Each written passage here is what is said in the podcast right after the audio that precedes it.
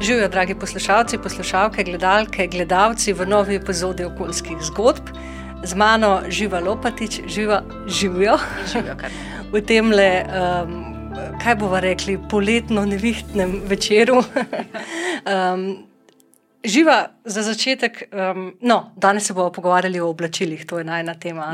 Zato, ker pač, če v Sloveniji reče človek, zdaj se pa dajmo pogovarjati o, o oblačilih. Ne, jaz pomislim na živo, to je to. Je to. A, Sicer si pa ti uh, živa, kaj nisi. Veliko stvari upam, česa- da nisem. tako, Česa že nisi počela? Uh, jaz te poznam kot vodjo pravične trgovine v Sloveniji, oziroma kot vodjo treh muh, uh, ampak sicer pa boš tukaj danes kot uh, ustanoviteljica zadruge Buna. ne. Tako da bi te mogoče najprej. Prosila smo tole ponovadi, si napišem tako, ne, v, v predstavitev organizacije, s katere gost mm -hmm. prihaja, ampak tukaj sem si pa še posebej napisala predstavitev bune in žive. Ja, Zato, ker se mi zdi, da živa, ne, toliko, v toliko vlogah sem te že spoznala. Najprej bi te prosila za predstavitev zadruge Buna. Zadruga Buna je nastala leta 2014, ko smo se v bistvu ustanovitelji, uh, Rene Suša, Tine Čokal in jaz, uh, odločili, da bomo uh, slovencem pokazali, da lahko v bistvu um, delamo kavo tudi na drugačen način, to se pravi, bre, popolnoma brez izkoriščanja.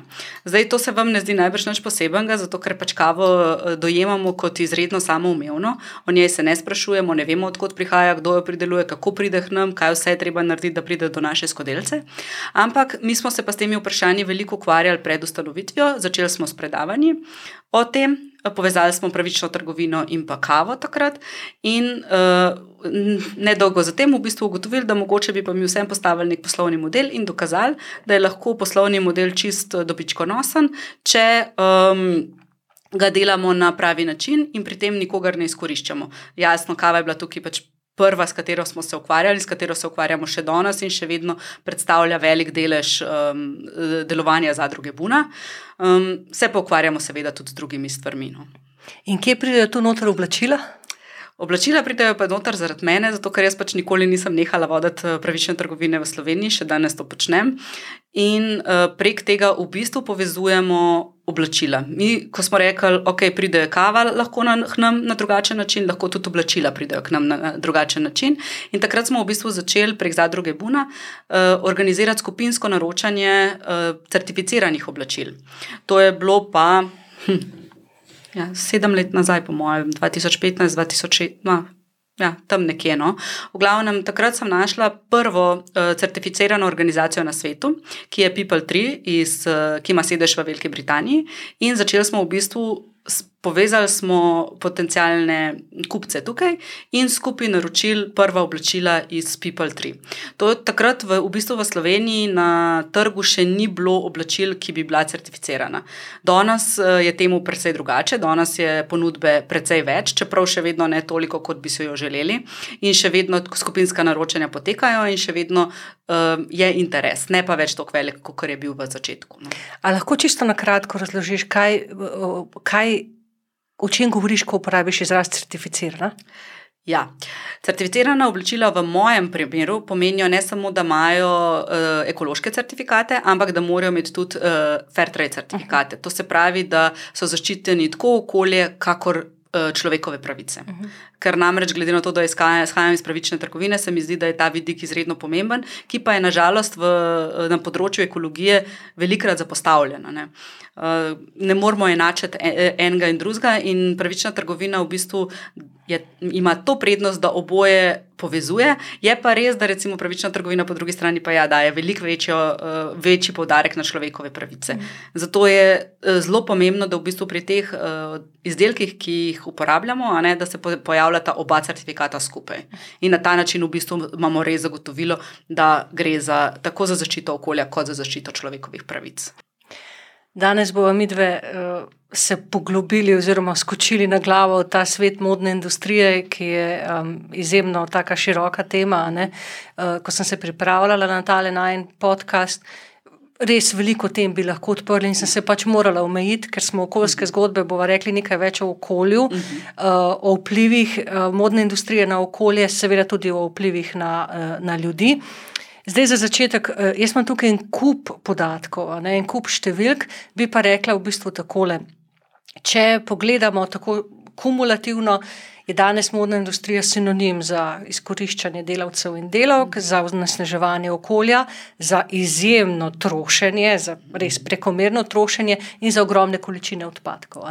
Je pa res, da moramo pa tudi na začetku povedati, sama se že tudi v, ne, na začetku omenila, da obstajajo tudi dobre prakse ne, in tudi o tem bova uh, govorili. Zdaj, dovolj mi živa uh, nekaj, nekaj številk. Ne bom zasula ne tebe, ne poslušalcev, poslušalk, gledalk um, z vsemi številkami. Uh, tule so podatki uh, iz, AME, iz ZDA.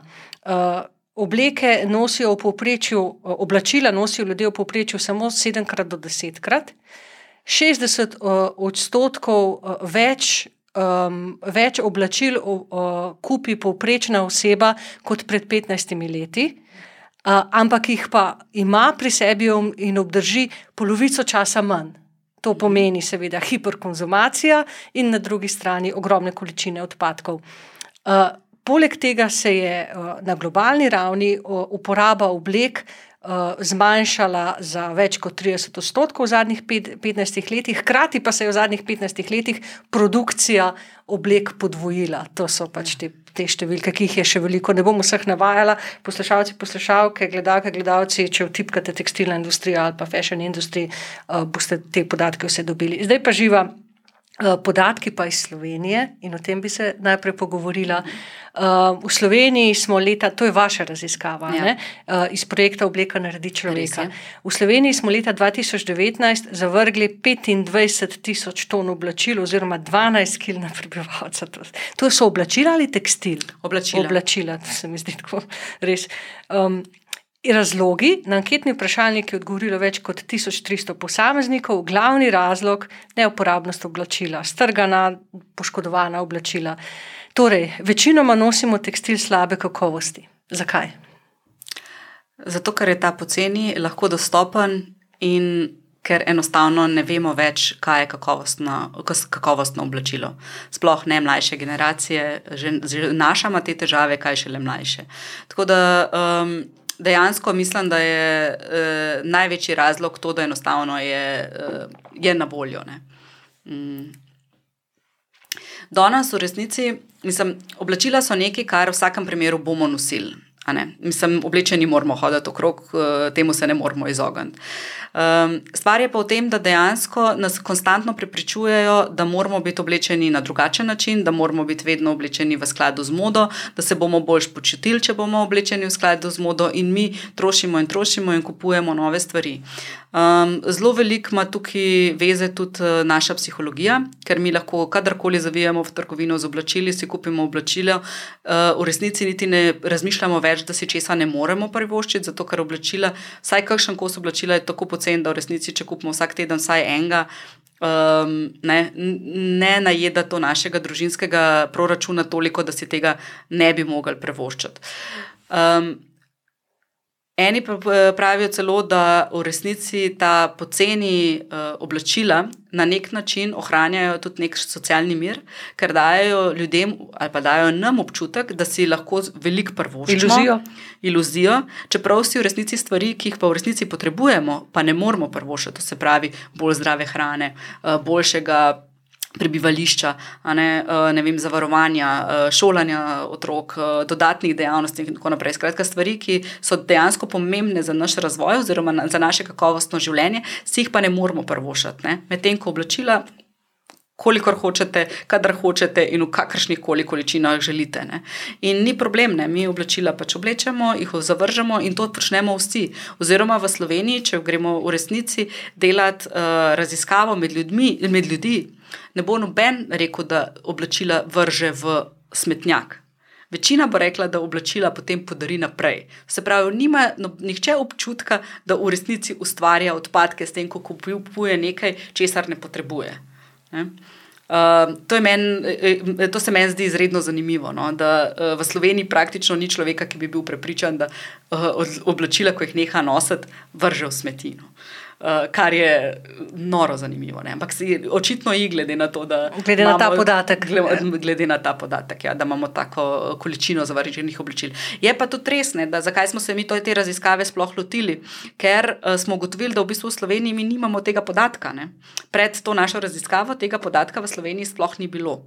Uh, bili so posamezni podatki komunalnih um, družb, ki zbirajo en delež uh, zavrženih oblačil, ampak v resnici, da bi pa imeli tako veliko bolj. Um, Podroben, podroben pregled, uh, koliko je zavrženih oblačil, tega pa v resnici ni bilo. Um, zato smo še posebej ponosni v, resnici na to raziskavo. Govorijo o bitvi v bistvu o tako imenovani hitri modi. Ja, jasno je, da hitra moda ni nastala kar tako, da se je kar pojavila. Ne. Ne? Jasno je, da je nastala z nekim razlogom, zakaj. In kaj, bo, mislim, kaj je omogočilo tudi nastanek teh poceni oblačil, se o tem bo še malce kasneje. Tudi, si, na začetku bi nekaj malo o sistemu, v katerem ja, ja, ja, ja, seveda, seveda, ja. Ne, seveda, jasno. Um, Hitra moda je posledica dejansko načina delovanja globalnega sveta. Ne. Če mi pogledamo, ne vem, 50 let nazaj, uh, ladje niso tako preprosto potovale uh, po svetu, kontejnerskega prevoza še ni bilo. In ko se je že v bistvu začel, uh, začela razvijati in tehnologija, in uh, možnosti, možnosti, možnosti transporta, deja, vse to je dejansko precej spremenilo globalno trgovino.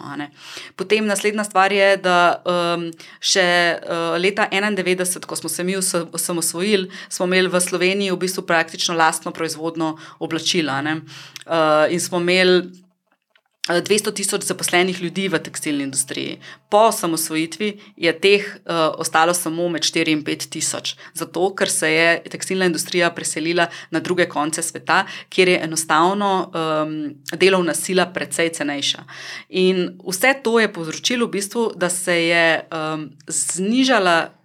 Števil, znižala cena konč, eh, končnega izdelka, istočasno pa, če so pa z, želeli ta veliki ohraniti svoje dobičke, ne, so mogli pa povečati količino, obseg prodanih uh, oblačil.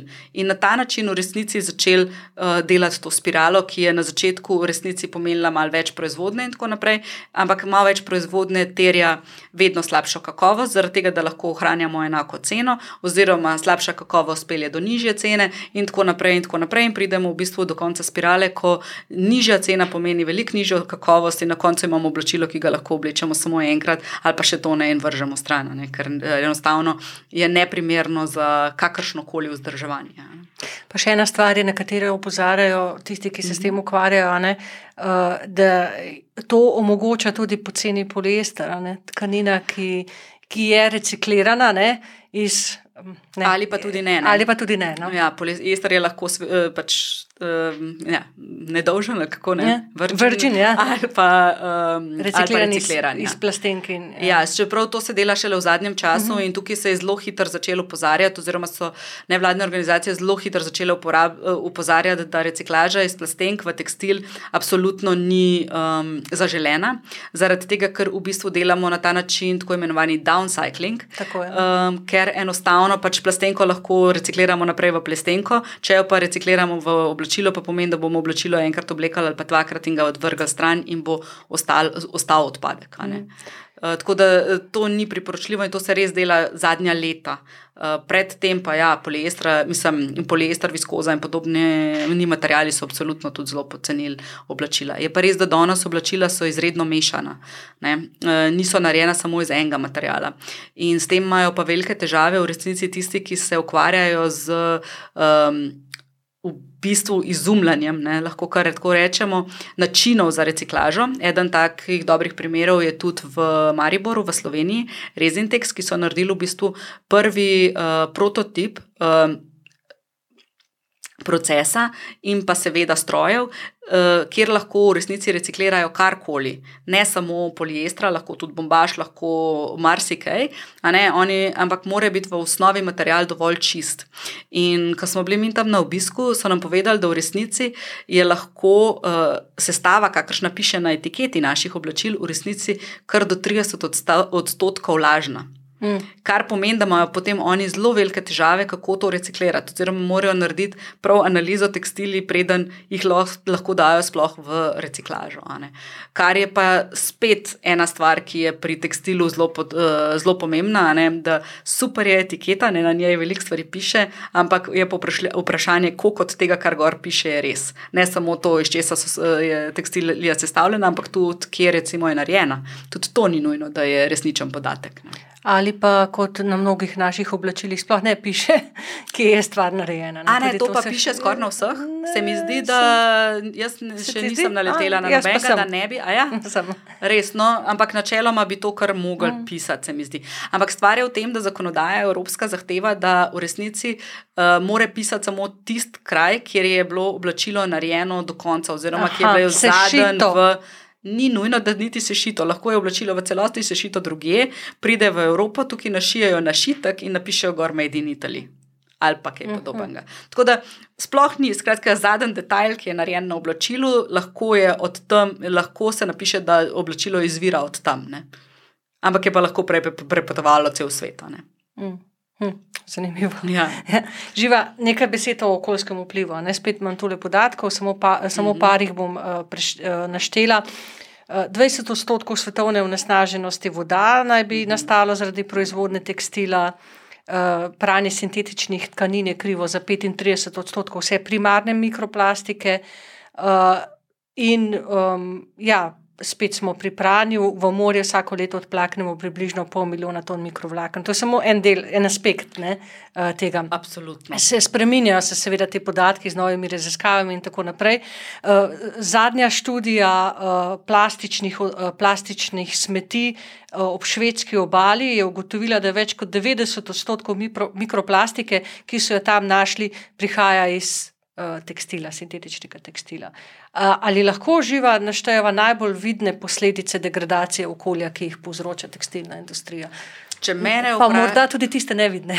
če mene vprašaš, ena najbolj vidnih je absolutno izginotje Aralskega jezera ki ga danes praktično ni Bombaš, več. Bombaž. Aralsko jezero je bil četrti največji rezervoar pitne vode na svetu, danes ga praktično ni več, zaradi namakanja pol bombaža v Uzbekistanu, um, ker so tja preusmerjali reke, ki so napajale Aralsko jezero. Um, seveda, jasno, v Uzbekistanu vse, vse, vse te vode ne porabijo, oziroma so te namanjkalni sistemi narejeni izredno slabo in gre ogromno te vode v nič. Uh, je pa res, da pač bombaž brez um, izredno velikega namakanja ne, ne more uh, uspevati. Tako da je zelo, zelo žejna rastlina, predvsem bombaž, ki je še uh, hibriden, to se pravi, da ni. Tak, ki so bili v osnovi, ampak da so iz njega narejeni hibridi. Hibride pa delajo z namenom, In ustvarjajo jih, seveda, veliki, ne, kot so Monsanto in podobno, um, zato da v resnici naredijo tiste, ki pridelujejo bombaž, odvisne od njih. Najprej pač od njihovih semen, ki ponavadi niso uh, večletna, kar pomeni, da morajo proizvajalci nova in nova uh, kupovati, kljub temu, da bombaž kot rastlina v osnovi uh, se obnavlja sam. Ne? Tako da ni, uh, mislim, uh, to, kar proizvede, lahko bi semena ven pobrali, pa jih um, na novo posadili, ampak ne hibridni bombaži, ker jih pač naredijo v bistvu nesposobne reprodukcije. Ne?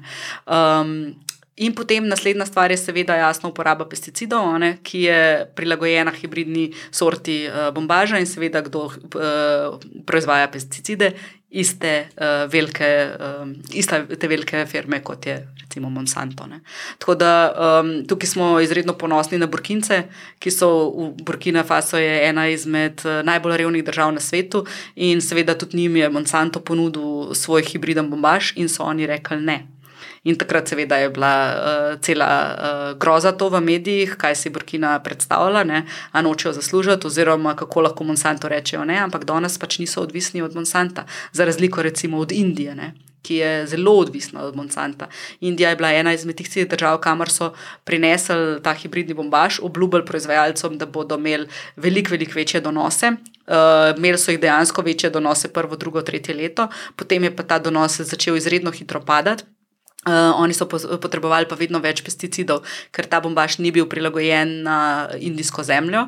Um, in enostavno ni več hotel rasti, oziroma so se škodljivci prehiter širili in so v bistvu ogromno proizvajalcev s tem prisilili, da so se nenormalno zadolževali in ko niso več vedeli, kako bi preživeli, so začeli delati samomore.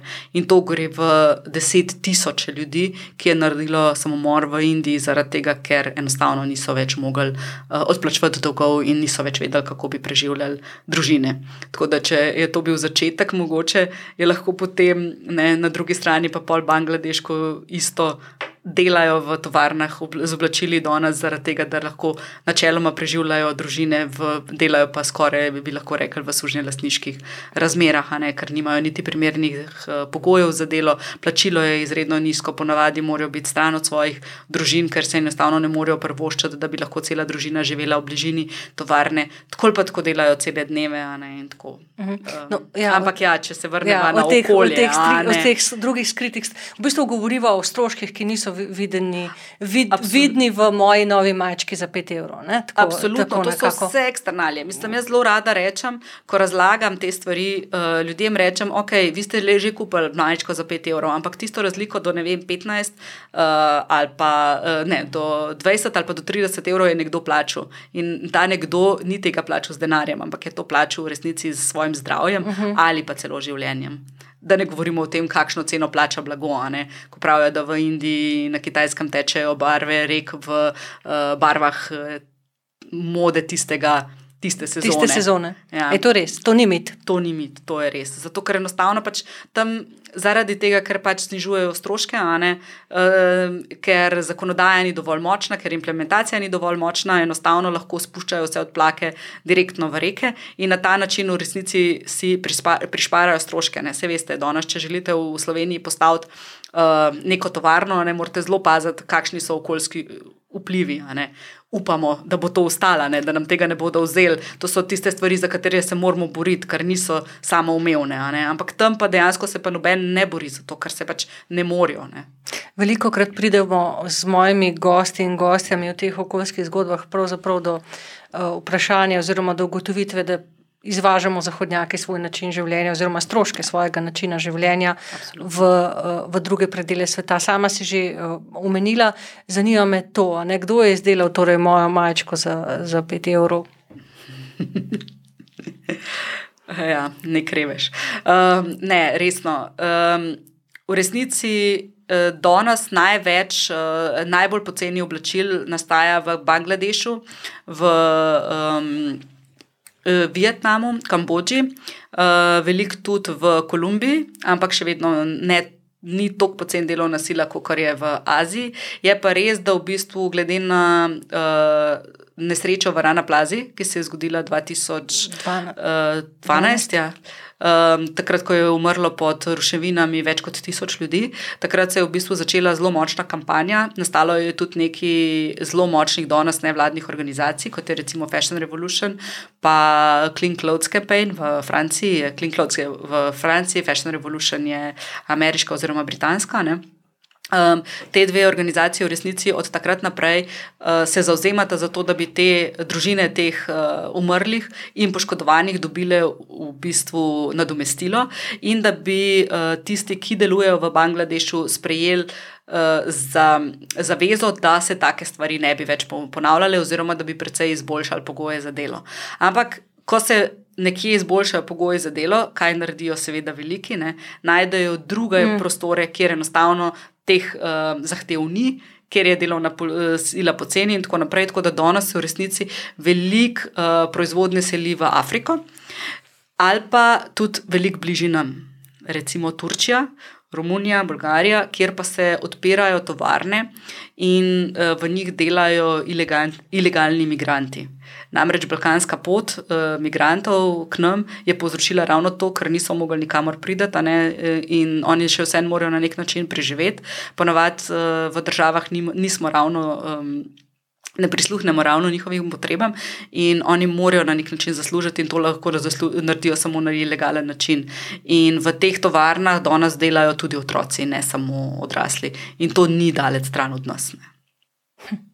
Tako približno kot z jagodami v Španiji in, in solato iz Španije. In, šla, in, in, in vso, vso ostalo zelenjavo ne? iz Almerije, ki je odkudar prihaja, ki je 60% vse, vsega sadja in zelenjave, ki napaja evropski trg, je iz Almerije. grozljive. Te številke so grozljive, ko jih začnemo enkrat dajati skupine. Hmm. Živa učinkovita zaviralca te potrošnje bi bila, oziroma sta, seveda pametna potrošnja, ja. pa ponovna uporaba. Berem, da so te, v sektorju ponovne uporabe, oziroma tem, ne, kot si ti mhm. rekla, trgovine iz druge roke, pravzaprav lahko, mislim, nastajajo tudi velike težave, zato ker so oblačila tako za nič.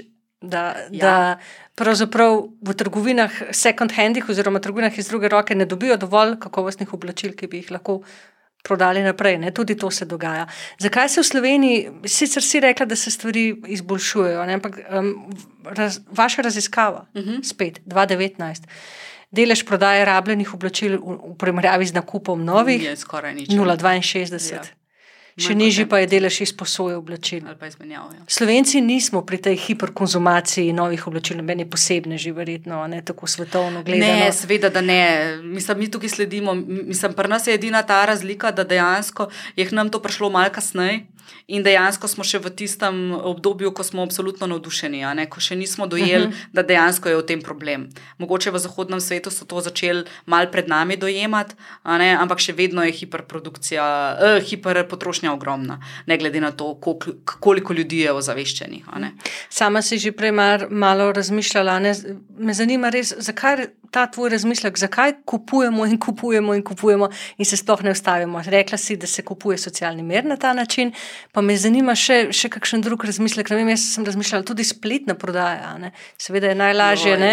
sedeti in klikati in klikati in klikati in klikati in klikati in kupovati kako modna industrija na vse načine manipulira z nami. Mislim, to, kar se je med COVID-om zgodilo, ko se je dejansko pre, preselila prodaja na splet, ko so se tudi v Sloveniji, pa ne bom delala reklame, pojavila dva spletna prodajalca, ki dejansko praktično nas nagovarjata na vsakem koraku ali pa na vsakem. Um, pač enostavno sta posod prisotna, ko ti lahko naročiš, koliko hočeš oblačil, jih probaš in kar, kar ti ni ok, vrneš nazaj brezplačno.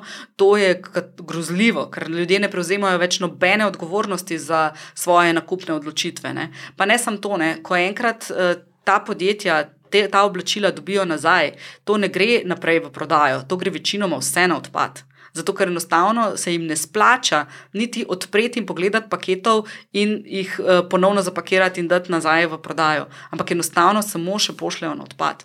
Tako da tisti, ki kupuje, kupujemo, kup, kupujete na ta način, absolutno probite se, poskusite se tega, eh, temu izogniti. No. Potem je vsem boljši iti v um, velike Trgovino. trgovine tukaj in tam kupiti stvari in to dejansko pač potem nositi, imeti in tako naprej. Ampak da se mal vrnem nazaj no, eh, na, na dobre prakse ali pa na, na rešitve. Um, Umenila sva ja ponovno uporabo. Um, Reciklažo in tako, ampak kaj je najboljša rešitev, ali pa kaj je najbolj, najbolj pomembna stvar, je, da tiste stvari, ki jih že imamo doma, nosimo dlje. Namreč izredno pomembno bi bilo, da bi se življenjska doba oblačilom podaljšala in to na ta način, da enostavno jo, ga uporabljamo dlje časa. Um, ja, ampak zato ga mora, mora biti v začetku oblačilo dobro. Ja. Uh, Sej zato pa. Tako da uh, danes se v bistvu bolj kakovostna oblačila dobi v uh, trgovinah iz druge roke, kot pa v, uh, med novimi oblačili. Namreč tudi cena oblačila ne pomeni, mislim, tudi cena oblačila ni zagotovilo, da bo oblačilo boljše ali slabše. Mogoče je edino zagotovilo, kar je, da, da je lahko oblačilo boljše, če je certificirano, ne? če je res certificirano. Da v tistem primeru pač bi moglo biti malo boljše kakovosti. Čeprav poslušam tudi veliko kritik, da recimo je uh, bombaž z GOTS certifikatom manj kakovosten, da se hitreje strga in tako naprej. Ne. Ampak tak bombaž saj lahko vržeš na kompost, ne, pa mm. se razgradi. Saj ni potem več uh, problematičen za okolje. Nismo prej rekli ja. ničesar o odpadu, o, o, o, o tem, kaj se zgodi z oblačili, ko postanejo odpadek.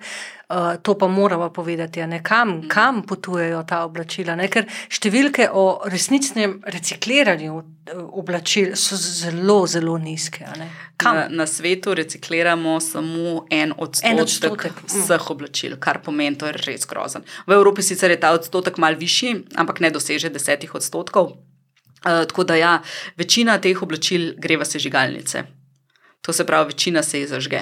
Tudi recimo ta akcija, um, velikana, tudi, ki je tudi v Sloveniji, ki ga spet ne bo imenovala, uh, da enostavno preneseš oblačila nazaj in kupiš nova, uh, ki potem pravi, da bo ta oblačila recikliral, ni res, ta oblačila grejo potem direktno v sežigalnico. In ne glede na to, da oni tega ne želijo priznati, so bile narejene raziskave oziroma so bili pridobljeni podatki, ki to dokazujejo. Tako da ja, večina naših oblačil, ki jih ne nosimo, ali uh, konča v sežigalnicah, ali pa gre, kar je pa po mojem mnenju še slabše, v države, večinoma v Afriko v tem primeru, kjer se prodaja na tržnicah in na tržnicah se to kupuje na kile. Se pravi, niti ne uh, kupujejo več posameznih uh, kosov, ampak jih uh, kupujejo v kilah in je to za njih izredno poceni. Po Kar pa to povzroča, je pa to, da v resnici njihova lokalna ekonomija, ki je včasih tudi temeljila na tekstilni industriji, ne, propada, ker enostavno ljudje ne kupujejo več njih, svojih tradicionalnih oblačil, oziroma ne podpirajo lokalnega gospodarstva z nakupom oblačil, ampak kupujejo naša. V bistvu odvržena oblačila, oziroma od dana oblačila. Pa še to je, ne, ker se eh, kakovost teh oblačil slabša. Je tudi pri njih vedno več odpada. odpada tako, in pri njih pa ne gre to niti več v sežigalnice, ampak gre to seveda direktno v naravo. Um, to je eno. Um, drugo je pa, da že v osnovi vsaj 30 odstotkov oblačil, ki se jih pošlje tja, za njih sploh ni uporabnih. Ne vem, uh, večerne obleke, um, plašči, um, ne vem, pač kopalke, karkoli. Mislim, pač določene stvari za njih absolutno niso uporabne in teh je približno 30%, ki grejo že v osnovi stran. Potem, če temu prištejemo še slabšo kakovost, ki je, uh, ki je vsako leto slabša, pomeni, da v resnici oblačil, ki jih oni odvržejo stran, je vedno več. Ne. V bistvu govorijo o nekem krogu, ki se mi je zdaj le izrisal. Uh, obremenitev tam, kjer, kjer nastajajo naše oblačila, in potem oblačila pridejo v Evropo oziroma v zahodni mm -hmm. svet, in potem jih mi zavržemo, in potem končajo spet tam, kjer so nastala, Resno. in hkrati spet obremenjujejo kot odpad na drugačen način ja. okolje in družbo. Res je. S tem, da te države na srečo danes že um, uvajajo prepovedi. Tako da počasi, počasi bo najbrž prišlo do tega, prepovedi da bo uvoza. Prepovedi uvoza naših zavrženih. Kot je Kitajska storila s plastiko. Pred... Ja. Ja, mm. ja. Ampak to gre zelo počasno. Mislim, da je Gana zdaj le uvedla prepoved na spodnje perilo ali nekaj takega. V glavnem, zelo počasi grejo te prepovedi, ampak se bodo začele pojavljati. No. Tako da, ja, v nekem trenutku mi ne bomo mogli več izvažati naših oblačil v Afriko, ali pa v resnici eh, dolgo časa je veljal za odlagališče naših zavrženih oblačil Haiti, kjer so pa v bistvu imeli velika odlagališča um, oblačil, ki so uh, pa potem onesnaževala podtalnico oziroma ozračje, zato ker pač enostavno kemikalije v oblačili gredo dol z vodo, mislim, z držjem, ki izpira ne kemikalije v zemljo, oziroma v zrak. Ne kar jih izpuhti. Tako da v resnici imajo izredno negativen uh, vpliv na okolje, kjer, ga, kjer jih uh, odvržemo. Ne? Ker morate vi vedeti, da oblačila v resnici ne, so prepojena s kemikalijami, ne samo v. v v fazah uh, izdelave, pa potem v fazi prodaje, ko jih v bistvu špricajo, zato da ohranjajo barve, da ohranjajo eh, teksture in tako naprej. Ampak tudi dejansko v času, ko mi ta oblačila nosimo, ker ogromno ljudi uporablja eh, kemične pralne praške in dejansko konstantno oblačila, oblačilom kemikalijo dodaja. Ne? In te kemikalije ne grejo vse uh, ven z vodo, ampak dejansko ostajajo na naših oblačilih. In ko mi oblačila odvržemo, grejo te kemikalije z oblačili tja, kamor grejo oblačila plačila. Ne? Če bi nam, Evropejcem, pripeljali vse naše odpadke nazaj pred naš prak, bi mogoče bi nas streznilo, kaj misliš? A misliš, da bi nas, ne govorim samo o oblačilih, govorim ja, ja, ja, o, o naših o novih osem. pametnih telefonih in odpadkih, ki pridejo iz njih in tako naprej. Ne? Ja, kar, je, kar je najbolj žalostno, to, da danes mogoče nismo niti mi največji onesnaževalci, ne govorim zdaj o oblačilih, mogoče na kakšnih drugih področjih. Um, ampak eh, so to tudi države, kjer postajajo te stvari veliko bolj normalne. Ne, Danes, ne vem, razno dva, dva dni nazaj sem poslušala eno uh, oddajo, ko so govorili, da v Indoneziji so do nedavnega zavijali stvari v palmine. Uh, bananine. Bananine. Bananine. Tudi jaz, tudi jaz ja. sem to poslušala. In so jih sem... potem ljudje bili navajeni uh -huh. uh, metati na tla. Zdaj pa mečejo na tla. Zdaj pa mečejo na tla plastiko. Ja, na valu 202 si poslušala. Na valu, točno to. Ja. Skratka, mislim, to je ta, uh, ko ni dovolj samo, da v resnici mi to. Uh, da delamo drugače. Ljudi je treba prepričati, oziroma ljudem je treba razložiti, kaj s temi dejanji v resnici povzročimo. Mm. In mi smo v resnici zelo odrezani od vsega. Nam, nas so zelo navadili, da enostavno gremo v supermarket, ker dobimo vse, kar potrebujemo. In na ta način nas ne zanima, niti odkot prihaja, kako je bilo narejeno, se ne sprašujemo, kaj bomo s tem naredili, ker bo je za vogalom smetnjak, kamor lahko to vedno odvržemo in potem nekdo pride in to odpelje. In skratka, če smo včasih vedeli za vsako stvar, odkje smo jo dobili, kako jo bomo vzdrževali, da bo dolgo trajala, kam jo bomo shranili, kje jo bomo imeli, in tako naprej, in kam bomo z njim, ko jo ne bomo več uporabljali, do nas v resnici nam sistem omogoča, da se s tem sploh ne ukvarjamo. In v resnici, če so včasih še kakšno stvar vedeli, do nas ne vemo nič. In mladim se sanja ne, o teh stvarih. Mhm. Mlade je te, treba te stvari na novo učiti tudi nas, tudi našo generacijo je treba naučiti, ampak mlade pa sploh. Da škiliš v moje vprašanje. Namreč naslednje vprašanje. Ne, vedno se sprašujemo, ne, kako, kako pametno nasloviti nas potrošnike v smislu manje več ja. in koga naslavljati. Ker razmišljamo o mladih.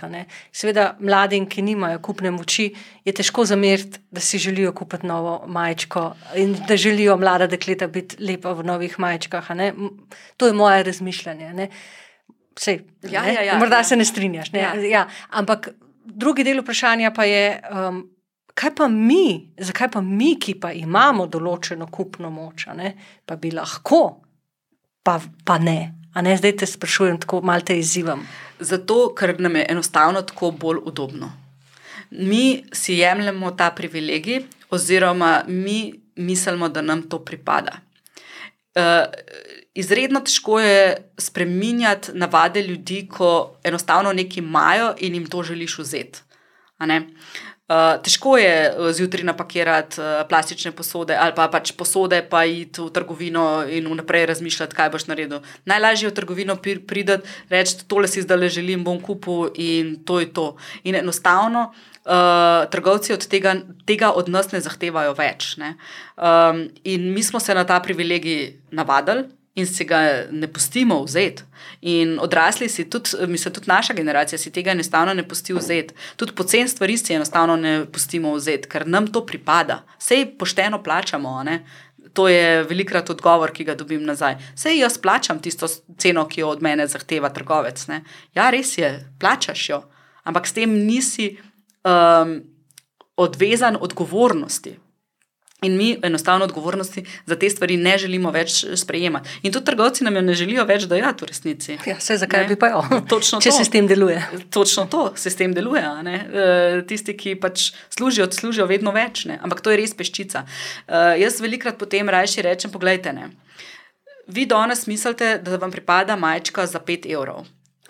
Zakaj ste pri, istočasno pa mislite, da morate biti za svoje delo plačani, ne vem, na pamet tisoč evrov. Pošteno. Pa je malo, ne? Pošteno, ja. Um, zakaj mislite, da ne bo v nekem trenutku se pojavil nekdo, ki bo močnejši od vas in bo od vas zahteval, da delate vaše delo za 5 evrov? To pa ne bo fera, ne? To je približno ta, uh, to so pač ta razmerja moči. In kar je najbolj žalostno, je, da to prihaja k nam. Danes ljudje delajo v prekarnih oblikah, uh, mladi imajo vedno manj možnosti za kakovostne zaposlitve. Uh, vsi smo manj plačani, ne zdaj se govori o inflaciji, pa ne vemo, ali bomo lahko zvišvali plače in podobne stvari. Skratka, nekdo močnejši že prihaja k nam in bo od nas zahteval, da bomo delali v isto suženskih razmerah za zelo majhne denarje, zato da si bo lahko on spet prvoščil nekaj uh, za zelo malo denarja. Hmm jim to plačal neferne. Istočasno, ne, pa dobro, mi saj lahko kaj rečemo, ne, je pa zraven še okolje, ki pa ne more nič reči. Nima svojega. Ki pa nima svojega glasu. glasu. sem videla prej, ko sem govorila o mladih, da si me malce skeptično gledala. ja. Eh, pa te prosim še za komentar. Ta, o... Tako je, ne. Mi toliko oblačil, kot se jih kupuje danes, ne potrebujemo. In dejansko, če bi mi sešteli uh, denar, ki ga namenimo za oblačila, in vsta denar porabili za eno kakovostno oblačilo ali pa za en kakovosten kos oblačila, ki ga potem nosimo veliko dlje časa, um, bi si ga lahko prvoščali tudi mladi. Uh, tako da ne moramo reči, da, da mladi nimajo denarja. Ne. Poleg tega, tudi če nimajo denarja, lahko grejo po oblačila v, v trgovine z oblačili iz druge roke. Pa pa še ena nebuloza, ki jo zelo rada uh, razložim, je to, ne, da če imamo mi vedno večje količine oblačil, pomeni, da moramo te večje količine oblačil nekje shraniti. In kje to shranjujemo? V naših domovih, seveda. In če to shranjujemo v naših domovih, pomeni, da potrebujemo vedno več omar. Zdaj se pa vprašajte, koliko stane kvadraten meter stanovanja, ki ga namenite za to, da tja postavite omaro, v katero boste dali oblačila, ki jih sploh ne nosite. In se vprašajte, kako bogati smo, oziroma koliko več lahko bi porabili za kakovostna oblačila, ki bi, ki bi jih lahko nosili dlje časa, bi zasedla manj prostora, uh, imela manj negativnih okoljskih uh, učinkov in manj negativnih uh, učinkov na uh, življenje ljudi. Mislim, Ampak to pomeni, da to res zahteva razmislek in res zahteva drugačne načine um, delovanja, je pa res, da tega pač ne moramo do, doseči čez noč. Mm. Hotela sem reči, prej, kje so časi, ko sem odprla omaro svoje babice in našla v njej v omari krilo, staro 40 let. Kot da je bilo sešito ja. včeraj. Ja. Mislim, ja. Ja. Ampak še vedno so taka krila, babice obstajajo. Obstajajo, seveda ja. obstajajo. Kot smo rekli, ne? trgovine um, z, um, z, iz druge roke so zelo zanimive. Jaz pravim temu lovišča. Lovišča, ja. Za me. Ampak kar je pa ratalo zanimivo, kar pa izpostavlja Ursula Castro v svoji knjigi Loved Clouds Last. Uh, Ursula Castro je ustanoviteljica um, organizacije Fashion Revolution in ona je izpostavila eno zelo zanimivo stvar, ki je pa tudi mene kar mal presunila in to, da če so včasih si tisti, ki so si niso mogli prvoščati oblačil, popravljali oblačila, je do, so danes tisti, ki si lahko prvoščijo popravljajo oblačila. Se pravi, včasih so reveži popravljali oblačila, danes pa popravljajo oblačila samo bogataši. Zakaj? Zato, ker so kupujejo praviloma dražja oblačila in po pravilu, seveda, so razmerno za ceno oblačila ne izstopa, oziroma si popravila lahko prvoščijo. Medtem ko tisti, ki nimajo, ne, si popravili ne morejo prvoščiti, če tega ne znajo, seveda, početi sami. Hmm. Tudi ta znanja se pa seveda izgubljajo. Ja, tudi, zakaj bi ja. ti v resnici hotel, če kupiš oblačilo za 5 evrov, zakaj bi dal za popravilo potem 10-15 evrov? Uh, čeprav, če mene vprašate, ja, absolutno je vredno potem to 10-15 evrov, če boste to potem nosili še nekaj let. Ampak hočem samo reči, ne, da je način dojemanja se popolnoma obrnil. Se te hotel vprašati, v bistvu to, ta medklic, kaj za božjo voljo se je zgodilo s sektorjem popravila? Ne?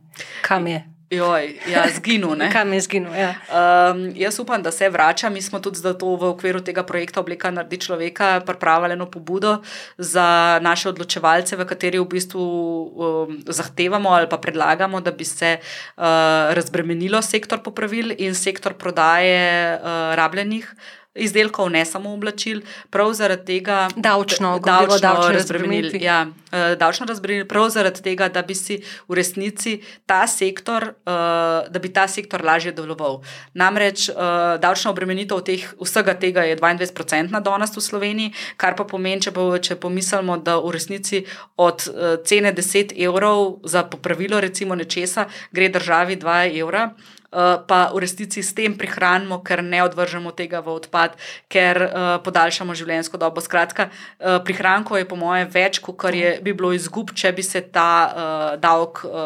Zmanjšal se ni treba, da se izniči, ampak zmanjšal. To je namreč naredila tudi Švedska.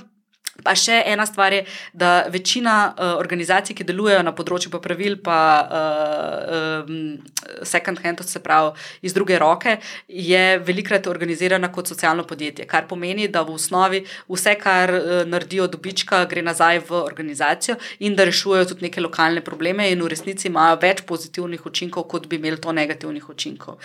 In če bi se zgledovali po švedski, kar je nam najbolj fascinantno, pa je to, da Švedska v resnici sploh ni naredila učinkov. Uh, meritve učinkov to vrstne spremembe zakonodaje, ampak je enostavno to upeljala zato, ker verjame, da bo imelo to več pozitivnih učinkov kot negativnih. Mm. Za konec živa tajnega pogovora. Jaz bom uh, tole prebrala. Mislim, da je to iz poročila um, organizacije, ki se jo večkrat omenila, to je Fashion Revolution. Mm -hmm. Uh, morda pa je tudi iz Greenpeaceovega poročila, da me ne bodo kregali, ni, ni tako zelo pomembno. No? Moda potrebuje novo zgodbo, nov poslovni model za prihodnost. Model, ki upošteva okoljske in človeške vplive celotne tekstilne verige ter potrebo kupcev, da se izrazijo skozi svoje oblačila brez občutka krivde ali praznine. O tem v bistvu nismo govorili, o zasvojenosti z nakupovanjem. Kupujem, kupujem, kupujem, ved, še vedno počutim neko praznino. Ne, se to ni samo pri tekstilu. Pri, ne, ne, ne, pri to, drugih, nam pa, ne. to nam pa oglaševalska industrija Tako, dejansko prodaja. čas prodaja srečo uh, pri nakupih, ki jo pa seveda nikoli ne, ne dosežemo. Jaz, jaz sem v bistvu zelo razočarana, ker to ljudi še uh, nasede na razno vrstne reklame. Jaz sploh ne razumem, kako lahko. Ampak to je najbrž stvar bolj um, za psihologe. Za psihologe, ja. ali pa antropologe, ali pa sociologe. Ja. Za vse, za vse da ja. dokončamo. Torej, v tem poročilu zaključek potrebujemo modo, ki dobička ne ustvarja na račun zasvojenosti svojih strank, ter na račun okoljske degradacije, kršenja človekovih pravic in razgradnje družbe kot celote. A bi se strinjala, da je potrebna revolucija v velikem delu modne industrije in prestrukturiranje celotnega sektorja. Ali je, je to čista utopija, ali je to možno? Jaz upam, da je možno. In tudi delujemo skladno s tem, da je to možno, se borimo za to, in jaz upam, da bomo ljudje slejko prej začeli zahtevati, da se te stvari začnejo delati na drugačen način. Ne.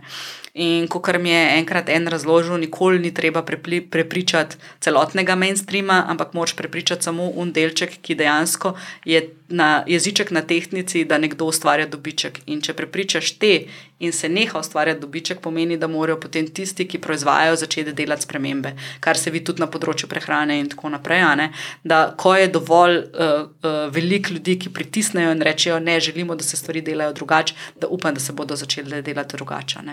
Ker uh, kar je pri drugače, pri recimo modi, kot pri živilih, a ne poliestra, načeloma ne bo zmanjkalo tega lahko ustvarjamo uh, ponovno več in več in več, oziroma ga lahko recikliramo in tako naprej. In s tem v resnici nič nismo naredili, tako da oblačila lahko mi proizvajamo veliko dlje, po mojem, kot lahko pridelujemo mm. hrano. Mislim, veliko bolj v neskončnost lahko mm. gre. Tako da jaz upam res, da se bomo mi zavedali tega, da enostavno tako ne gre naprej in bomo zahtevali, da so stvari narejene na drugačen način. Jaz bi samo uskočila, morda um, tudi jaz se nisem v bistvu zavedala, preden sem se začela ukvarjati s, temi, s, s to temo. Ne? Ko mi nosimo oblačilo iz poliestra, v resnici nosimo oblačilo iz nafte. Ja, ja, ja. Tako, ja, da, ja, da je jasno, kot, ja, si, ja, ja. kot si prej razložila, ali iz tako imenovane surove, surovega materiala ali pa recikliranega iz plastenk, ki so narejene iz. Nafte, tako. Oziroma, tako je, ne? moramo pa še povedati to, da v resnici velikrat v naših uh, oblačilih tudi, je tudi viskoza, uh, ki, v bistvu celo, ki so celulozna vlakna, v, pri kateri je pa v bistvu sam proces izdelave eh, viskoze tako umazan, da tudi ni priporočljiva. Ne? Ampak tudi danes že imamo boljše, uh, boljše načine. V Evropi so že razvili uh, tensel, ki je prav tako narejen recimo iz uh, celuloznih vlaken, to se pravi isto iz lesa, ampak uh, je pa proces uh, ekološki, ne veliko bolj prijazen naravi. Ampak imamo pa tudi primere izredno dobre prakse, kot je recimo uh, Mad Jeans ki ima sedež v, eh, sicer na nizozemskem, ampak to so pa kavbojki, ki so jih v osnovi začeli delati iz ekološko pridelanega bombaža. Danes pa že večina njihovih kavbojk je narejena iz njihovih recikliranih kavbojk. Se pravi, oni imajo pa tak proces, da dejansko um, kavbojke, ki jih nehaš nositi, pošleš njim nazaj, njihove jasno, jih oni dajo nazaj na niti in iz teh niti naredijo uh, novo tkanino, ki jo potem obdelujejo samo z laserji in z ozonom, barvajo z indigom, kar pomeni brez uporabe kemikalij. Proizvodne enote imajo v Španiji in v Tuniziji, to se pravi, tudi oblačilo ne. Um, Avbake ne prepotujejo celega sveta in dejansko pridejo potem spet na police, kjer jih lahko spet na okupac v bistvu kupi, nosi in pošlje jim nazaj. In imaš v bistvu popoln krok uh, krožne, uh, krožne ekonomije, kar pomeni res ni odpadka, mm. ker to lahko pa kroži in kroži in kroži do, v nedogled, oziroma dokler pač uh, bojo dovolj kavbek, da bojo lahko delali dovolj kakovostno tkanino iz njih. Ne. Se pravi, te so tudi na voljo v Sloveniji. Da, uh, ampak so pa na voljo pa v pravični trgovini oziroma prek zadruge Buna, zato ker enostavno se je lastnik odločil, da on pa s svojimi kavbojkami ne, bo, ne bo šel v korporacije, pa pobirajo nagrade po svetu in so izredno uspešni. Tako da sploh niso neka taka. Um, tako podjetje, ki bi rekel, da so mal za zraven. Tako, niso tako, tako Niso zelo tako nišni. majhni Tako zelo, in nišni, ja, ja, ja, um, Se pravi, si mi v bistvu spet škiliš moje vprašanje. In za konec, kje ta prihodnost že je, če kje, ne? Se mi že sama ja. uh, povedala. Um, ja, to, um, si optimistka, si pesimistka, to skoraj vsakega gosta vprašam na koncu. Um, če ne bi bila optimistka, ne bi mogla tega početi, kar Ja. počnem. Tako da, um, ja, eh, seveda, jasno, na trenutke tudi mene zagra pesimizem in uh, od COVID-a dalje vedno večkrat, ampak ne, uh, v resnici sem optimist in sem tudi naivna. Tako da, um, če ne bi bila, po mojem, lahko um, zamenjam svoje osnovno delo in neham delati to, kar počnem. No. Hvala, živa, ker si bila moja gostja. Hvala, kar. Hvala za vse te podatke in uvide. Jaz bi te še poslušala, ampak če se da zaključiva. Srečno. Hvala lepa. Čau.